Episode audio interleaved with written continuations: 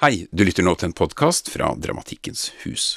I 2018 laget Marie Handeland forestillingen Forfatterbevegelsen, som hadde premiere på Dansens Hus 15. mars. Og Marie, Forfatterbevegelsen, hva var det? Hva var det dere gjorde, og hvem var med? Det var Aina Villanger, Tina Aamodt, Henning Bergsvåg, Kjartan Fløgstad, Gro Dale og Gunstein Bakke. Disse forfatterne sto på scenen én og én, og dansa en solo basert på et verk de selv hadde valgt, eller hadde bedt dem velge et eget verk som de skulle finne Generere bevegelser for dem. Det var en stor greie for oss alle, tror jeg, å være med på. Det, det føles litt absurd nå i etterkant for meg å tenke på at man har gjennomført det der, men altså, jeg tror jeg kan la meg berøre av nesten et hvilket som helst menneske som kommer inn i et rom og tar kroppen sin seriøst og prøver å uttrykke seg eller bevege seg gjennom sin egen fysikk. Og at det som koker liksom litt ned til den interessen jeg har for å få sitte og se på et menneske oppdage kroppen sin. I begynnelsen så hadde jeg en veldig sånn konkret plan om at jeg ville gjerne skulle liksom prøve å, å gjøre bøkene. Det kan, man, kan, jeg fortsatt hevde at vi gjorde, men, men vi la etter hvert fra oss en sånn type strenghet i forhold til akkurat å følge den på en eller annen måte. Sånn at det handla vel mer om å få fram en type essens da, av, av, et litterært verk. Eh, så jeg vil si at det de, det de gjorde, definitivt hadde mye, mye, med det spesifikke litterære verket å gjøre, men, men på en ganske åpen måte, da. Men, eh, men det, det, er, det, er, en av de tingene jeg fremdeles uh, syns er mest interessant med det arbeidet. Det, det var å se de koblingene mellom et skriftspråk og et kroppsspråk. Så jeg har jo jobba med andre ikke-profesjonelle tidligere. Og, det, er jo, det, er jo, noen likhetstrekk, selvfølgelig, i forhold til alle disse utrente kroppene som kommer inn i et rom, og det er mye nerver, og det er mye eh, tanker om at det, man ikke vet hva man skal bidra med med kroppen sin. Altså man, man, er liksom på en måte helt blank i forhold til en kunstform man ikke kjenner, da. Men akkurat med forfatterne så er det jo Så var man allerede et annet sted, i og med at de er så de har jo så tydelig kunstnerskap selv, sånn at det er veldig mange overføringsverdier der. sånn at det var aldri noe problem å liksom eh, på en måte ha respekt for dansekunsten og forstå et alvor i det sånn fra første dag, da. Det var veldig mye basert på språk og samtaler ganske lenge i begynnelsen.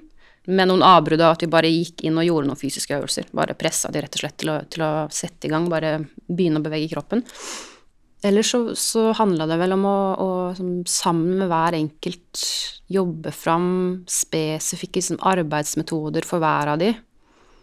Ofte kobla opp til, til, til, språket deres, tror jeg, eller hvordan de Ja, noen likte å repetere mye, jobbe grundig og lenge med noen bevegelser. Da gjorde vi liksom det. Andre trengte at vi skrudde av lyset og bare raste rundt. Noen ville høre på Enja og liksom jobbe med liksom luftige, morsomme lette bevegelser. Jeg, jeg føler, hvis jeg ser på hele prosessen, så føler jeg at det, har vært en veldig komplisert prosess, fordi det har vært seks individuelle, veldig individuelle prosesser i en, en, og samme forestilling, på en måte. Seks verk, liksom, selvstendige verk, som hver av de har krevd veldig mye Å finne fram til noe spesifikt, liksom, bli, bli kjent, da, Sånn et møtepunkt der. Sånn at jeg hvis jeg tenker tilbake på det nå, så tenker jeg at det koker egentlig ned til noe veldig sånn enkelt, da, sånn arbeidsmetode. Man må bare lytte til en intuisjon i rommet med hver enkelt. Jeg tror det er noe av det viktigste jeg tar med meg videre. At ikke prøve å komplisere så veldig i forkant en prosess, men prøve å stole på prosessen som fullt og helt når man er i studio med de man er der med. Og det er klart, det, det, sånn er det vel i enhver prosess, liksom, for alle. Men at det, at det er lurt å lytte i, i øyeblikket. Men jeg, jeg, føler det blir liksom enda mer ekstremt i et arbeid som det her, da. Jeg hadde ikke noe valg, på en måte. Jeg må bare lytte til prosessen her, og den må bare ta oss dit den tar oss. Og jeg tror det er det jeg dras mot. Jeg kan ikke sette så veldig tydelig fingeren på akkurat hva slags type bevegelseskvaliteter det på en måte er, men det er, det er disse, disse, bevegelsene som liksom er litt sånn ufullendte, som ikke er eh, Ikke har kommet så langt at liksom det mellommenneskelige er trent vekk enda, jeg, jeg syns det er ganske utømmelig for meg, da, akkurat den interessen av å sitte og se på disse, disse kroppene der, og at jeg For meg oppleves det viktig å plassere sånne typer kropper, eller vanlige kropper, eller altså åpne opp for andre forståelser av å se, se på kropper, da.